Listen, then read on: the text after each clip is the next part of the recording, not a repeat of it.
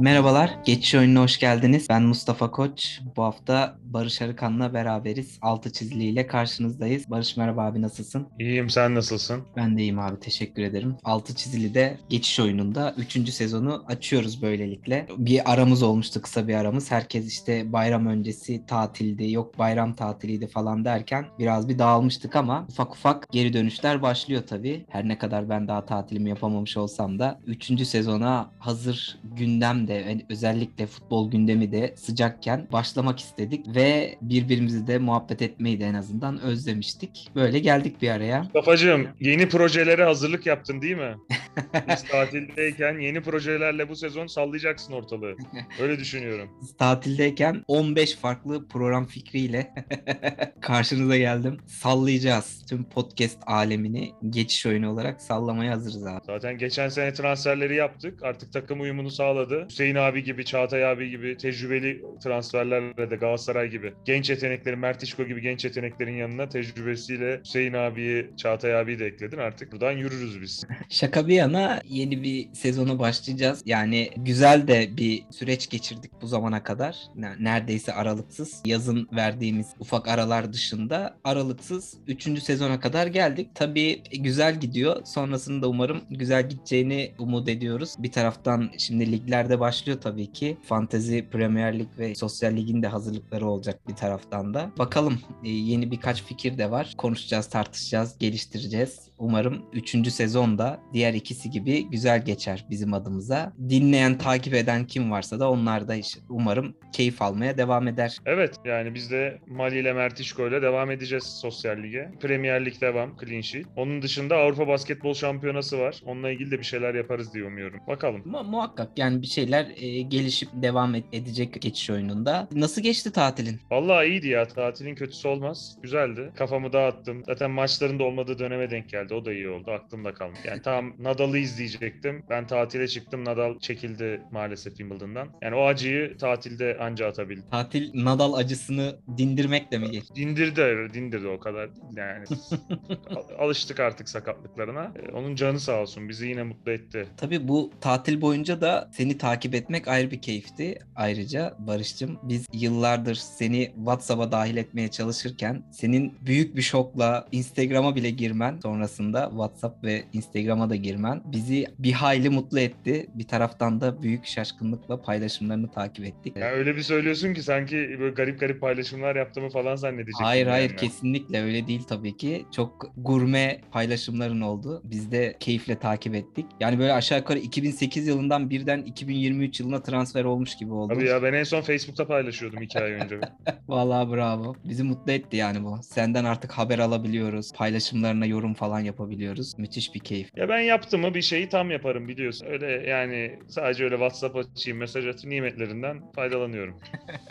Harika. Abi biraz bahsettim. Futbol gündemi sıcak malum. Transfer süreçleri devam ediyor takımların. Tabii ki kamplar başladı Temmuz ayının başından itibaren ama bir taraftan da transfer gündemi yoğun tüm takımların. Bir tek Trabzonspor çok ağır gidiyor. Geçen sezonun aksine. Geçen sezon sezon bitmeden neredeyse başlamışlardı yaptıkları transferleri e, bir bir açıklamaya. Ama bu sezon çok ağır ilerliyor orada işler. Fenerbahçe çok hızlı yine. Diğer sezonlar olduğu gibi. Yine yeni bir teknik direktör ve yeniden takımı sil baştan yapma çabaları. Ardarda özellikle geçen hafta ardarda 3 transfer birden açıkladılar ve hala da devam ediyorlar transfer çalışmalarına. Çünkü bambaşka yepyeni bir anlayış var teknik direktörle gelen ve o da kendi oyununa uygun birilerini sürekli takıma dahil etmek istiyor. Zaten geçen sezondan ve önceki sezondan birike birike gelen büyük bir kadro erozyonu da var Fenerbahçe'de. Galatasaray'da da yeni teknik direktör ve geçen sezonki o her ne kadar genç ve potansiyelli olarak görülse de uyumsuz bir kadro vardı ya da bir şeylerin olmayışı, o mayanın bir türlü tutmayışını gördük özellikle orta sahada. Orada da bir bir çaba var. Hem forvet hattındaki o verimsiz isimlerden kurtulup yerine yenilerin dahil edilme çabası var. Bir taraftan da tabii orta sahada büyük bir sıkıntı var. O sıkıntıyı giderme çabası var. Böyle devam ediyor transfer sezonu. Özellikle Süper Lig özelinde. Tabii daha sonra Avrupa'ya da dilimiz döndüğünce değinmeye çalışacağız. Ama bir taraftan da şöyle bir e, durum var ortada. Bir sürü isim geliyor ya da bazı isimlerden ayrılıyor takımlar ki ben özellikle bu yaz transfer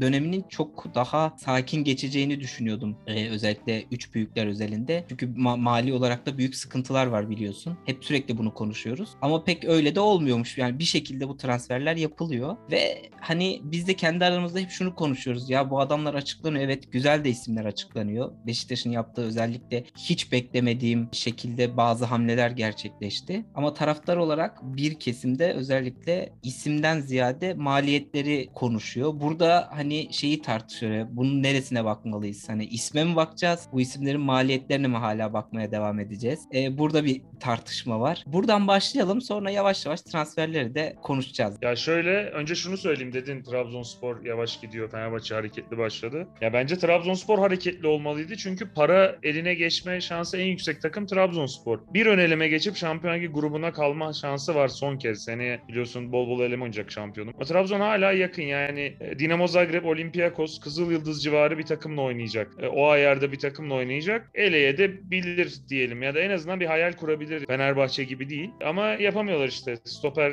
adı geçiyor Boyata falan. Kasımpaşa'dan genç transferler yaptılar ama şu an hala bence o gerekli hamleyi yapmadılar. Trezeguet var. O da Vakame, Vakame'nin yerine gitti geldi takımın en önemli. Fenerbahçe de bence en az hamleye ihtiyaç duyan takımdı. Bir sürü hamle yaptı ama hala ihtiyacı olan yerlere yapmadı. Yani Fenerbahçe hala bek almadı mesela. Hala santifor almadı. Ama bol bol ofansif orta saha, merkez orta saha aldı. Onun dışında da ya biz konuştuk bu konuyu. Geçen işte Beşiktaş'tan konu açılınca biraz şey yapmıştık hatırlıyorsun. Evet. Bu yani artık taraftar sadece eskiden mesela biz maddi koşullarını da takip ediyorduk transferin iyi mi kötü mü olduğunu anlamak için. İşte biz e, ar- konuşuyorduk şey yani bunu takip edilmeli mi edilmemeli mi kendi aramızda. Bir taraftar düşünmeli mi bunu ama Türkiye'de düşünmeli çünkü kulüp başkanları düşünmüyor. Mecbur taraftar düşünüyor. Artık bir aşama ileriye de gittik. İşte federasyona bildirildi mi, UEFA'ya bildirildi mi, zamanında mı gitti? İşte sözleşme iletildi mi, sözleşmeyi kim imzaladı, menajeri ne yapıyor? Artık onlara da bakıyoruz. Bilmiyorum. Ben şey olması gerektiğini düşünüyorum. Kendi açımdan söyleyeyim. Ben transfer yapıldığı zaman maddi şartlarına da bakıyorum. Çünkü sonuçta bir şeyler veriyor kulüp maddi olarak. E bunun karşılığını alamazsa istediği kadar iyi oynasın. Bir anlamı yok ama yani bir deneme yanılma transferi olabilir. Mesela ben hep Sasha Boy örneğini veriyorum. Bence iyi bir transferdi ama Galatasaray sonrasını iyi değerlendiremedi. Şu an ayrılacak gibi duruyor. Ama tutmasa bile zararın 1-1,5 milyon euro. Yani denenebilecek bir risk. Tutmasa bile bu. Ama şimdi Falcao tutmayınca zaten Galatasaray'ın şampiyon olunca alacağı paranın yarısı gitmiş oluyor. Ya o risk olarak göremezsin onu ya. O bile bile lades. Hani Evet. bu ay verdiğin örnekte okey. E, Mustafa Muhammed'de belki ya da işte Fenerbahçe'nin yaptığı kim transferinde evet. Ama e, Falcao gibi bir transferde ya da işte Fenerbahçe'nin daha önce yaptığı Van Persie gibi transferlerde orada pek bir şey yok yani. Bile bile lades gibi oluyor bu durumlar. Çünkü biliyorsun bu adam sakat. Sana gelmeden önce zaten sakattı ve artık yaşının da verdiği şeyle o ağır sakatlıklardan hem dönme süreci çok uzuyor ve hem de aslında kafa olarak daha devam etme mentalitesinde gerçekten o üst düzey rekabetin içinde bulunup bulunmayacağı, o isteği arzusu da olup olmadığını çok emin olamıyorsun o sakatlıklardan ve Ya Mustafa şöyle bir şey süren var. geri dönüş Ma- süreçlerinden sonra. araya gireyim şunu diyeceğim bir de. Yani o verilen paralar o kadar yüksek ki. Mesela karşılığını vermesi için tutmuş bir örnek vereyim. Ben sevmem ama. Mesela Gomis'in ilk sezonunu hatırlıyorsun değil mi? Tabii. 35 gol falan attı. Yani verilen paranın karşılığını anca öyle verebildi yani. Bence ikinci sezon veremeye de bilirdi yüksek ihtimalle. 30-35 gol falan atıp takımı, orta sıra takımını şampiyonluğa sokması lazım. Mesela Van Persie diyorsun. Van Persie'nin performansı o kadar da kötü değildi. Çift taneli gol yani birkaç asist falan yapıyordu arada maç kaçırsa da. Ama verilen para yani 6-7 milyon euro bonservis. Yıllık maaşı bilmiyoruz. O da bir 6-7 milyon euro da o var. Hani Van Persie'nin her hafta 2-3 tane atması gerekiyor o paranın Heh, karşılığını. işte zaten oradaki sıkıntı o. Tabii ki Van Persie birazcık daha Falcao'ya göre farklı bir örnekti ama maliyet o kadar yüksek ki kurtarmıyor işte. Zaten sonuç olarak Fenerbahçe o sezonları da kaybetti ve o harcadığının en azından bir miktarını bile geri elde edemem. Bir de başa şeye döneceğim. Senin dediğin hani artık işte sözleşme gerçekten imzalandı mı ya da imzalanan sözleşme federasyona ulaştırıldı mı falan. O kadar büyük bir güvensizlik var ki bu işin başındaki insanlara. Taraftar bir taraftan da herhalde bunları bile kovalamaya başladı. Bir de mütevazılık edemeyeceğim Mustafa. Yani o olayı da biz şey çıkardık, ortaya çıkardık. Yani herkes neden şöyle mi böyle mi? Geçiş oyunu ekranlarında gün yüzüne çıktı. Yani söylemek lazım. Hatırlatalım Mütevazı olmayalım. Bir kez daha hatırlatalım yani. Yani işte bu o bu işin başındaki olan insanlara birazcık güvensizlikle alakalı ve şey de var. Bu şeyde konuştuk ya bu işte Ersin'le Rıdvan'ın sözleşmesi yapıldı işte federasyonda işte geçerliliği olmadı falan. Çünkü o profesyoneller yeteri kadar yok ya da gerçekten içine hakim profesyoneller yok. Daha sonra takibi yapılmıyor falan filan. Şimdi onun üzerinde şeyi değinmek istiyorum ben. Şimdi iki e, yani sportif direktörle çalışılan sezonlar oluyor üç büyüklerde ya da işte Trabzon dahil dört büyüklerde. Çalışılmayan sezonlar oluyor. Arada farklar da oluyor o sezonlar kadro yapılanmasında bilmem ne. Şimdi Galatasaray'da yine Cenk Ergün Dursun Özbek yönetimiyle birlikte görev aldı aldı. Bir yetki aldı transfer yapma konusunda. Ama bir sıkıntılar yaşandı sanki. Bir taraftan da Ceyhun Kazancı Beşiktaş'ta bu görevi üstlendi. Sezon ortasından bu yana devam ediyor. Teknik direktörü sezon ortasında o getirdi. Bir taraftan da o süreçle birlikte bu sezonun planlamasını birlikte yaptılar. Ve işte transfer sezonunda da beraber çalışılıyor. Bence ciddi bir etki ettiğini düşünüyorum. Benim hiçbir beklentim yoktu açıkçası ama ben bu sezonki kadro yapılanmasında e, ciddi bir fark yarattığını düşünüyorum açıkçası. En azından olur olmaz, tutar tutmaz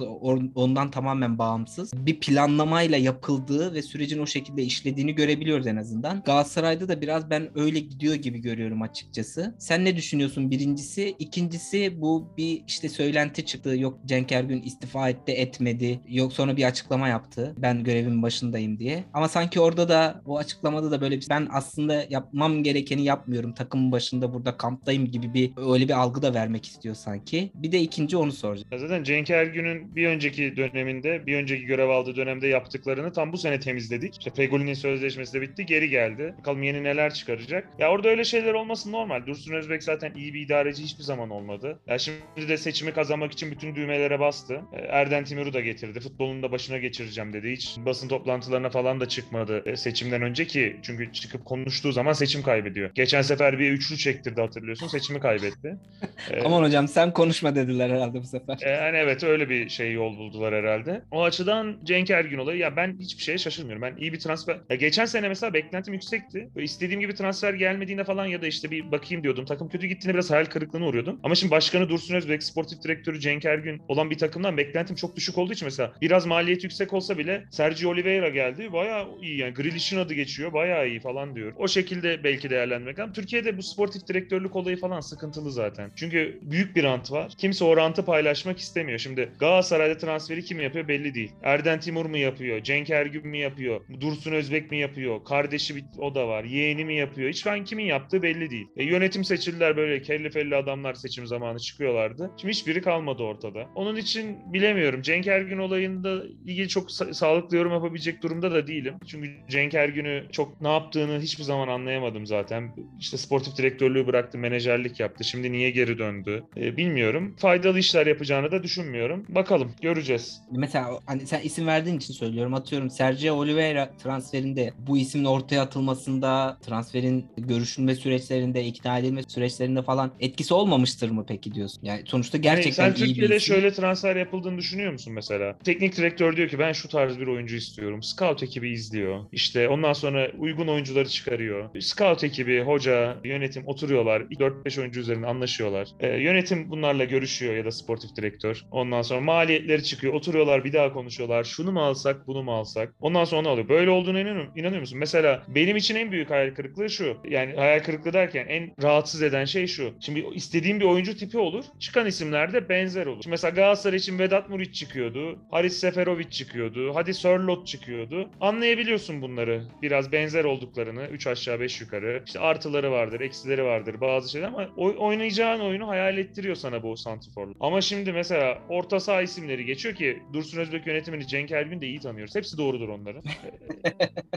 Hepsine bir olta atılmıştır değil mi? Hepsine hepsiyle görüşmüştür. Menajerler kimi getirse zaten Ahmet Bulut yeniden girmiş kulübe zaten. Ahmet Bulut kimi getirse görüşür Dursun Özbek. E şimdi mesela şeydi Joao Pedro'nun peşinden koşuyordu Galatasaray. E olmadı işte hadi Grealish'i defansın önüne düşünüyor diyelim. İşte şu Evan Nilsson'un adı geçiyor. Amin Halit geçiyor. İşte bugün benim çok beğendiğim Nadia Mamiri geçti. Çok iyi bir oyuncu Nadia Mamiri. Ama yani hangisi bilmiyoruz. Yani hepsi birbirinden farklı. Hangisini nereye, kim, hangi maliyetle istiyor bilmiyoruz yani. Bir de şey var ilginç olan onu da konuşalım istiyorum ki senle daha önce de konuşmuştuk başlamadan önce. Bir Almanya'ya Bundesliga'ya böyle bir eksen kaymış durumda değil mi? Çok şükür. yolu oradan geçenler ya da hala hazırda orada ufak ufak gözden düşmeye başlayanlar. Mesela işte şimdi Fenerbahçe için çok ciddi konuşuluyor. Büyük bir ihtimal görüşmeler var. Playa ismi geçiyor ki sözleşmesi bitecek son senesinde yenilemiyor sözleşmesini. O yüzden elden çıkarmaya bakacaklar. Ki 5-8 arası bir bonservis konuşuluyor. Ki müthiş bir rakam. Yani 5'e falan bitirirsen harika bir iş. Öyle bir ismi. İşte ne bileyim işte Grealish konuşuluyor. Beşiktaş Weghorst'u aldı. Bir o tarafa doğru iş- işte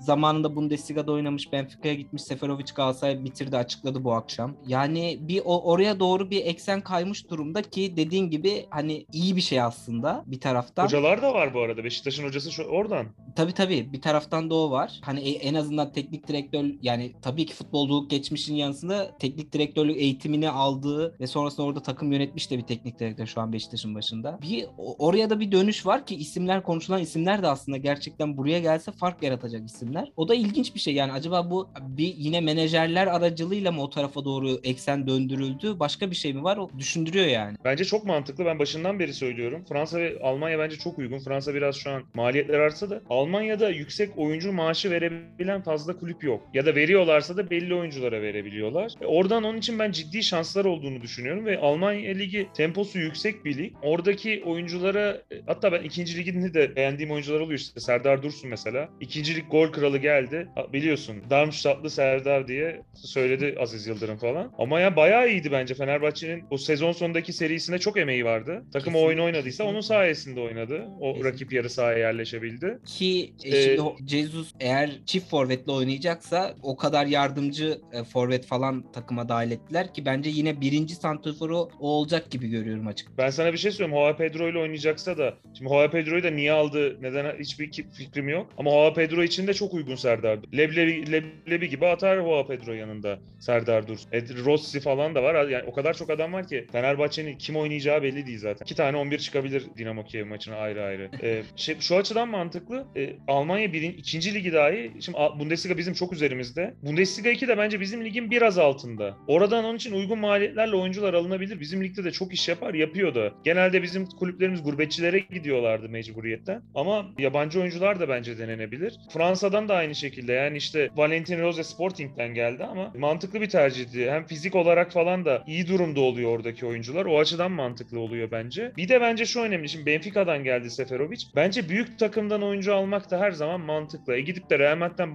Barcelona'dan alamayacağımız için gücümüzün yettiği büyük takımlardan oyuncu almak da mantıklı geliyor bana. Şimdi Seferovic mesela Benfica'dan geliyor. Yani Benfica'da oynamış olmak Galatasaray, Fenerbahçe, Beşiktaş öncesi bence iyi bir deneyim. Çünkü Benfica'da da her maçı kazanması gerekiyor. İki maç gol kaçırdığı zaman homurtular yükseliyor ki Benfica'daki rotasyon da bizimkinden çok daha iyi. Her sene altyapıdan 5 tane oyuncu çıkıyor. Tabii Bunları yani oradaki o e, hem başarı baskısı hem taraftar baskısı bakımından da eşdeğer kulüpler o şeyden geçmiş bir oyuncunun buraya adapte olması da ayrı bir artı katıyor tabii ki bu süreç. Hoca alırken de oyuncu alırken de o şekilde değerlendirmek bence mantıklı. Yani büyük takımdan almak bizim takımlarım için biraz daha karakter açısından mantıklı oluyor. Daha tecrübe etmiş oluyor. Çünkü mesela şimdi benim beğendiğim oyuncular ama hadi Morutan Stau'dan geldi ama Çinçikal daha Romanya'nın orta sıra takımlarından birinden geldi. Tamam ben hala iyi bir oyuncu olduğunu, faydalanabileceğini düşünüyorum. Ama öte yandan e, olmadı kaldıramadı Galatasaray'da iki maç oynayınca olan tepki. O da ayrı bir nokta. E, onun için o şekilde deneyimlemek, o şekilde görmek yani baskı altında ne yaptığını da mantıklı olabilir. Tabii bizde bu- bunlara dikkat ediyorlar mı? Neye bakıyorlar? Ne şekilde transfer oluyor? Bilemiyoruz. Yani- Hepsinin çalıştığı menajerler var. Şeyin mesela Morutan için şey söyleniyor yani çok ciddi bir asosyal karakteri varmış. İngilizce de bilmiyor ve kimseyle doğru düzgün bir ilişki, bir bağ kuramamış takım içerisinde. Bu şeyde FM oynarken sürekli bazen bir futbolcuda transfer ettiğim futbolcuda homesick diye böyle yanardı ya bir şey. Adam bir müddet sonra o olmuş yani. E, E tamam tabii konuşurdun. İstiyorsan sizin oradan birini getireyim derdin falan. Bir süre idare ederdin oynatırdın. E Galatasaray'da da yani şey istiyor bizimkiler. Her şeyi hazır böyle. Karakteri düzgün, büyük oyuncu, yetenekli, maliyeti düşük. İşte düşük bonservis hatta mümkünse bedava gelsin. E yani şimdi Morutan da her şeyi yapıyor. Onu da kulüp halletsin birazcık yani. Bir zahmet onu halletsinler. Öyle değerine değer katsınlar. Ya vatandaşı da var aslında takım içerisinde ama demek ki onunla da bir uyumlu mu olmadığı bir Konuşsunlar konuşsunlar. Ne oluyor ne bitiyor. Ne derdi varmış öğrensinler E, yani. tabii canım sen da zaten aynı şekilde. söylüyordun hani bir fena başlamadı sayılır. Hani ilk baktığın zaman ama sonrasında şey yani o beklenen ya da kendisi pot gösterdiği o potansiyelin yanına bile yaklaşamadı yani sonrasında. İlk başta çok motiveydi. Onun için öyle oynadı. Sonra ilk bir ilk sallantıda hoca da bence arkasında durmadı. Hemen kesti. Olmadı yani. Ya işte- Devamını getiremedi. E, transfer dediğimiz zaman bas parayı aldan ziyade çok farklı süreçler var. Yani e, Evet. onları zaten aslında konuşmaya çalışıyoruz bir taraftan. Süreçlerden bir tanesi de bu işte mesela senin çok yakın bir coğrafyan aslında Balkanlar yıllar gelen bir gelenek var aslında oradan Türkiye'ye futbolcu, teknik adam bakımından bura çok beslendi o taraftan. Ve insan şey düşünüyor ya buradan aldığını oynatıp bir şekilde yarar sağlayabilirsin diye düşünüyorsun. Ama işte hop elini atıp oradan parlayan bir tanesini alıp getirdiğin zaman da işler pek e, düşündüğün gibi de gitmeyebiliyor. Yani işte Morutan örneğinde olduğu gibi birazcık daha e, detaylı bir iş, birazcık daha e, üstüne çalışılması gereken bir iş transfer. İşte bir menajer önerdi. A maliyeti uygun bilmem neyle pek yapılacak da bir iş değil. Bizde maalesef öyle gittiği için bir yerden sonra işte patlayabiliyor bu işler. Peki Ya- senin en beğendiğin transfer ne şu ana kadar? Şu ana kadar ya şimdi Beşiktaş özelinde gelirsem Weghorst'u hayal edemezdim. Geçen sene biz e, Fantasy Premier Lig'de çok salladık kendisine. E, yaptığı transferden sonra çok mantıklı haftalar vardı onu seçip kadromuza dahil ettiğimiz ama sonrasında büyük hayal kırıklığı yaratmıştı ama o ayrı bir mevzu tabii ki. Hani bizim onu yarım sezonluk ve çok ciddi bir aslında düşme potasında olan bir takıma gittiği, alışma süreci, takımın oynadığı oyun falan derken orada o, o iş olmadı ama hani Bundesliga performansını düşündüğümüzde muazzam bir isim. E, tabii muazzam isim derken bunu Beşiktaş ve Süper Lig özelinde söylüyorum yani muazzam bir isim. Ben o bu eğer uyuşursa bir şeyler e, çok iyi bir transfer olduğunu düşünüyorum. İlk olarak Weghorst'u söyleyebilirim. Sergio Oliveira Galatasaray için bence çok iyi bir isim ama tek onunla Galatasaray orta sahası çözülmez. En az bir bence iki takviye daha olması lazım ki Çikaldao, Taylan, Berkan üçlüsüyle yok yani. O iş gitmez. Biliyorsun bizde her zaman en önemli mevkilerden biri bir santifor çok iyi olması gerekir. Bir de artık son yıllarda defansif orta saha. Melo'dan beri o bölge çok kritik. Evet kesinlikle. Oraya biri lazım. Fenerbahçe'de yani şimdi Arao, Lincoln, Lincoln'u hiç zaten bilmiyoruz. Ben de, ligde yani e, Brezilya'yı bu kadar yakından takip edip de Lincoln hakkında hakem kesebilecek birileri de var mı? Çok emin değilim açıkçası. Ya Hani mutlaka gelecek- vardır da Brezilya Ligi de bu kadar lig varken saati de kötü zaten. Açıp izleyen İşte emin değilim yani o yüzden hiç bilmiyorum. Arao için de şöyle bir şey var. Çok istikrarlı bir oyuncu olduğu görülüyor bakıldığı zaman. Sadece bir iki şey duydum. İyi bir kesici bir taraftan da oyun kurulurken ya da işte hücuma çıkarken dikine ve çok iyi oyun kurduğu üzerine birkaç bir şey okudum. Etki ederse eğer bu kadar çok hücumcuyla oynayacak bir Fenerbahçe'de bir iyi bir kesici ve öndeki bu hareketli sürekli yer değiştiren bu hücumculara o pası direkt atıp hücumu başlatabilecek bir adam olacaksa eğer bu rolü gerçekten başarılı bir şekilde yapabilecekse ciddi fark yaratır bence Fenerbahçe ki çünkü çok büyük bir hücum zenginliği olacak belli ki. Yani Jorge Jesus'un Benfica'sını hatırladığım zaman ciddi bir orada ya oynattığı oyunu hatırladığım zaman daha doğrusu bunu Fenerbahçe'de başarabilirse ciddi fark yaratır bu konuda ki gerçekten topla çok iyi isimler de var. Halihazırda kadroda vardı zaten de üstüne de eklemeler yapıldı. Ya işte sabit Ligi'ni Jesus biliyordur ya. O iyi bir tercih yapmıştır Muhakkak bence. zaten onun isteğiyle zaten. Lincoln'u bilmiyorum ama en azından Arao kesinlikle onun isteğiyle yapılmış bir şey. Yani bir, bir orada bir, bir şeyler çıkabilir diye düşünüyorum. Sabit Serdar Dursun ve etrafında hareketli bu oyuncularla, hücum oyuncularıyla kesinlikle orada bir, bir şeyler çıkabilir yani. Trabzonspor'da çok bir şey yok. Bir hareketlilik yok. Trezeguet'i zaten biliyoruz.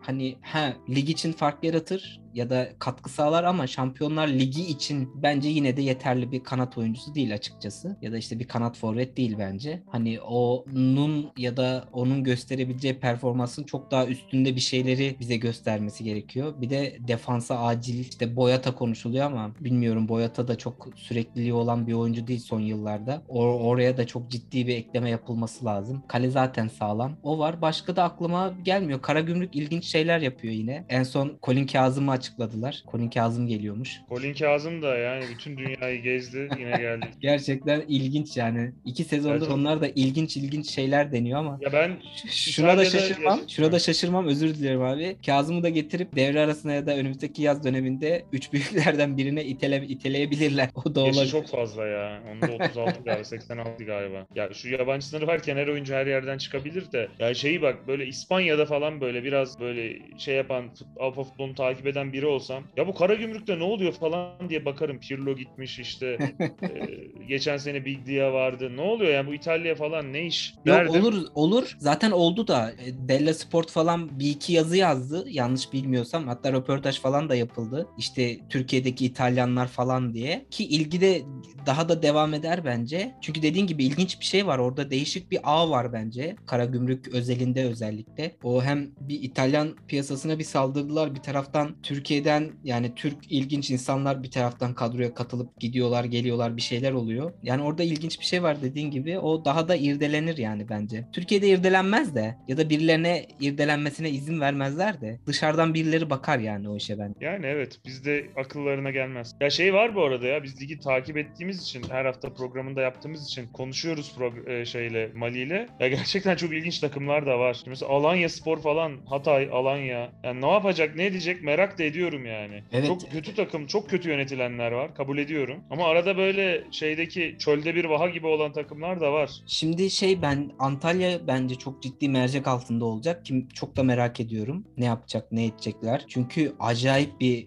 dönem geçirdiler. Nuri Şahin teknik direktörlüğe başladıktan sonra. Ee, bence Giresun çok acayip yine. Yine çok böyle şey gidiyorlar. Ee, en son Bayiç geldi. Bir, bir taraftan İstanbulspor ilginç ilerliyor. Ha, saldırırdı ya şeye Süper Lig'e çıkan alt lig takımları. Evet. Bunlar o şey o şekilde gitmiyorlar. O da ilginç. Onlar da birazcık Giresun'un geçen sezon izlediği yolla gidiyor gibiler. Ya e, biraz daha sanki bu sezon ilginç olacak gibi. İşte göreceğiz bu sene bir de e, yine dört takım düşecek son kez. Hı hı, Onun hı hı. için aşağıda da neler olacağını bilmiyorum. Ve de biliyorsun bol bol İstanbul takım var. Ma- yerellik gibi oynanacak. Evet evet. Fenerbahçe miydi ilk 10 hafta içinde bir kere mi iki kere mi ne çıkacak galiba İstanbul dışında. Öyle bir şey vardı yanlış hatırlamıyorsam. İşte başta çıkarsan da sonra mutlaka öyle dönemler olacak ya böyle uzun süre İstanbul'da kaldığı büyüklerin iki, iki tanesi üç tanesi. Zaten kaç tane takım var? 6-7 tane İstanbul takımı var herhalde zaten. Evet evet evet. Yani işte 6-7 özellikle oldu galiba. Avrupa'ya giden İstanbul takımları için ki Fenerbahçe var sadece. Başakşehir Başakşehir var. var.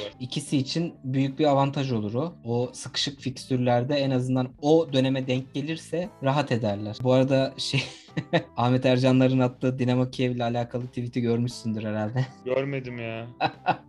ya bu nasıl bir şizofreni seviyesidir? Ne demiş ya. İşte Ukrayna'ya duyulan e, sempatiden dolayı Kiev'e hakemler tarafından bir ayrıcalık tanınabilir. İşte Kievli yetkililerin hakemlerle olan görüşmeleri mi ne incelensin mi ne o tarz bir şeyler yazmış da. Ya hakikaten yani eminim umutlarında değildir ya. Gerçekten çok ilginç. Bu şizofreni seviyesiyle herhangi bir spor dalını izlemek, takip etmek ya da tırnak içinde kendi yaptığı gazeteciliği yapmak çok acayip ya. İnsan Ya şunun gibi- alamaz yani abi. Araba kullanırken karşı şeritten bir araba bu bizim şeride geçip bir, bir arabayı benim üzerime gelebilir. Onun için araba kullanmayalım ya da dikkatli kullanayım demek kadar saçma. Bir de adamlar can derdinde ya Allah Allah. Ya evet işte yani çok çok ilginç ya. Bu düşünce seviyesine nasıl geliniyor, nasıl ulaşılıyor, hangi kafayla bunlar insanın aklına geliyor? İlginç. Neyse toparlayalım abi yavaş yavaş istersen. Bizim de fantezi futbolda bir hafta kadromuzu aldık. Korona salgını vardı Trabzonspor'da. Oynayacak oyuncu kalmamıştı. Kaleci olarak da artık 3. kaleci mi 4. kaleci mi altyapıdan genç bir kardeşimiz oynamıştı. Kaan Moradaoğlu. Biz de aldırmıştık. Ve gol yemeden tamamlamıştı. Trabzonspor da yanılmıyorsam Başakşehir'i yenmişti. O Kaan Moradaoğlu bugün YKS açıklanan YKS sonucunda eşit ağırlıkta Türkiye 898.si olmuş. Mükemmel abi. Yani inanılmaz gerçekten. Ya bu haberler hep Almanya'da olurdu. Yok işte Philip Lam şöyle, yok Joshua Hakimi mühendis olacak ortalamayı bıraktı futbolcu oldu. Bir de işte tabii istisna şey var. E, Umut Nayir var. Ankara Hukuk'ta okuyordu. Ama yani bu inanılmaz bir başarı ya. Kesinlikle Hepimizden iyi. öyle. Şeye uyuyor herhalde değil mi? Ben sporcunun zeki, çevik ve ahlaklısını Twitter'da da öyle paylaşılmış zaten. o tanıma Yani direkt uyuyor demek. zeki ki. kısmını Bravo. sağlıyor umuyoruz. Ee, umalım Umarım e, çevik ve ahlaklı ahlaklıdır. da olsun.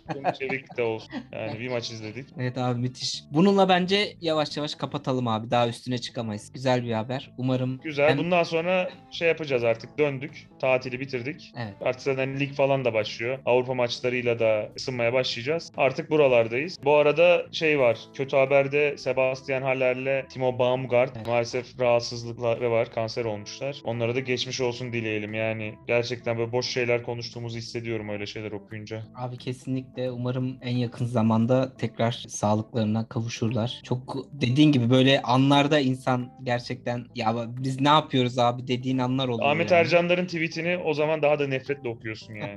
Kesinlikle öyle abi. Umarım en yakın zamanda sağlıklarına kavuşurlar diyerek biz de yavaştan toparlayalım. Barış de, Barış'ın dediği gibi 3. sezonla birlikte geçiş oyunu tekrar geri döndü. Hem altı çizili hem yakın zamanda ligin başlamasından önce bir hazırlık yaparlar Barış, Mali ve Mert. Kadro mühendisi geri dönecek. Hem de bir taraftan Clean Sheet yine Fantasy Premier Lig'le birlikte geri dönecek ve dediğimiz gibi yine alternatif bazı düşünce ve planlarımız var. Onlarla birlikte yine karşınızda olacağız. Önerilere de açığız. Önerileri de açız dediğin gibi abi. Bu hafta Barış Arıkan'la birlikteydik. Abi ağzına sağlık. Senin ağzına sağlık. Teşekkür ederim. Bu hafta altı çizili de sıcak futbol gündemini, onun özelinde de transfer gündemini konuşmaya çalıştık. Dilimiz döndüğünce geçiş oyununu tüm podcast mecralarından aynı zamanda YouTube'da GoCast adıyla takip edebilir, dinleyebilir ve daha da önemlisi Barış'ın demin dediği gibi görüşlerinizi, yorumlarınızı ve ön- önerilerinizi bırakabilirsiniz. Önümüzdeki hafta yeni konularla birlikte yine karşınızda olacağız. Bizi dinlemeye devam edin. Hoşçakalın. Hoşçakalın.